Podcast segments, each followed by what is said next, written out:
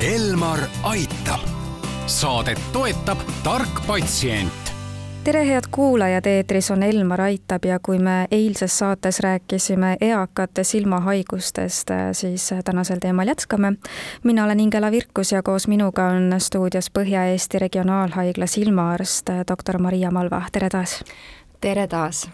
me mainisime eelmises saates kolme peamist silmahaigust, parandage mind, kui ma valesti mäletan, aga need olid siis glaukoom, hallkae ja silmapõhjahaigused jah, et eakatel äh, esineb sageli silmapõhjas kollatähni kärbumist ehk ealist maakuli degeneratsiooni. see on siis see põhja, silmapõhjahaigus? jah, üks kõige sagedamini eakatel esinev silmapõhjahaigus mis on nende peamised sümptomid või kuidas need endast märku annavad, et eelmises saates põgusalt tuli sellest juttu ja mainisite ka, et et näiteks glaukoomi puhul äh, algul võib olla selliseid sümptome või äh, märke sellest ei olegi, aga näiteks ka kui teinekord vanem inimene ise ei taha endale tunnistada, mõtleb, et see on selline ealine probleem, et nägemine muutubki halvemaks, mida võib-olla kõrvalt tuleks tähele panna?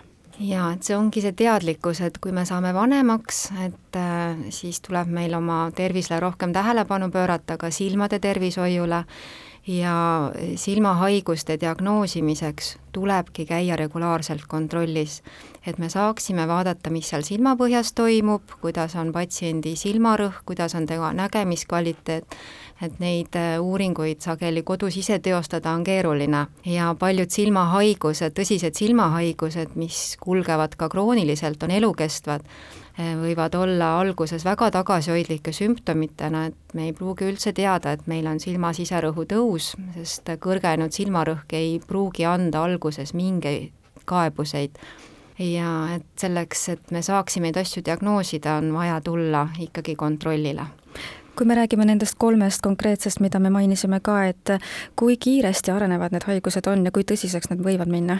Et äh, ravimata silmarõhuhaigus glaukoom äh, siis kahjustab nägemisnärvi, röövib meie nägemiskvaliteeti, ahendab vaatevälja ja selle haiguse lõppstaadium on pimedus. Nüüd läätse hägustumine, hallkae, mis on ka ealine normaalne füsioloogiline protsess, siis äh, selle prognoos on parem, selle jaoks on olemas varuosa, et kõige levinum silmaoperatsioon kogu maailmas ja ka Eestis number üks on hallkae operatsioon, et kus oma tuhmunud läät siis asendatakse kunstläätsega. ja silmapõhja äh, kollatähni kärbumine, maakuli degeneratsioon, on ka elukestev haigus, et seda protsessi me päriselt pidurdada, välja ravida ei saa kuid vastavalt haiguse vormile on võimalik seda haigust siis hoida kontrolli all ja aidata siis patsiendil säilitada võimalikult kaua tsentraalne nägemine no üks asi on see väga otsene mõju, kui äh, haigusele varakult ravi ei, ei saada, et inimene lihtsalt kaotabki oma nägemisvõime. aga kuidas see mõjutab äh, tema igapäevaelu veel? jaa, et äh, kui meie nägemiskvaliteet langeb, et siis loomulikult see mõjutab meie igapäevast toimetulekut, ja ka näiteks ka autojuhtimist, et kui meil on tekkinud silmapõhja kahjustus või pöördumatu nägemiskaotus või vaatevälja defekt, siis me ei pruugi enam saada teha oma igapäevaseid äh, toiminguid, et see halvendab meie äh, elukvaliteeti, meil on raske lugeda, kirjutada, et nägemistaju kaudu tuleb väga palju informatsiooni. kuni selleni, et inimene tunneb ennast äh, sotsiaalselt isoleerituna?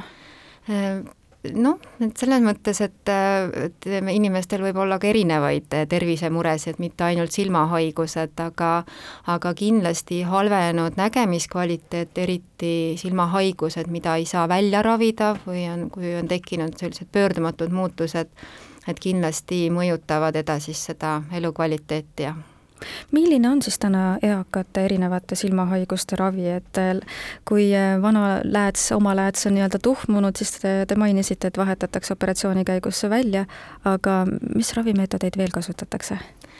Nüüd jaa, et nendest kolmest põhilisest eakate silmahaigusest võib-olla see vanadus, hall, hallkae eemaldamine ongi kõige lihtsam, kuna on olemas varuosad, nüüd glaukoomi ravi on samuti elukestev, et kui inimesel on diagnoositud silma siserõhuhaigus, siis tuleb käia regulaarselt siis äh, silmaarsti juures kontrollis aastas korra või kaks. et me saaksime siis jälgida nägemisnärvi funktsiooni, silmapõhja ja, ja silmarõhku hinnata, et põhiline glaukoomi ravimi, ravimid on silmatilgad, mida patsiendid siis kodus saavad äh, ise manustada. Ja glaukoomi ravis kasutatakse ka laserravi ja operatiivset ravi. Ja silmapõhja eh, kollatähni kärbumise puhul, et äh, kui on tekkinud sellised äh, aktiivsed agressiivsed muutused äh, silmapõhja, et turselised lupjumisvormid, mis võivad anda ka verevalumeid, siis nende ravi täna Eestis on silmasisene süstravi et need patsiendid käivad ka regulaarselt silmakliinikutes, on jälgimisel ja käivad siis kohapeal silmakliinikutes silmasüste saamas aitäh teile saatesse tulemast, silmaarst doktor Maria Malva ning palju jõudu ja jaksu teile! aitäh teile ka! Elmar aitab.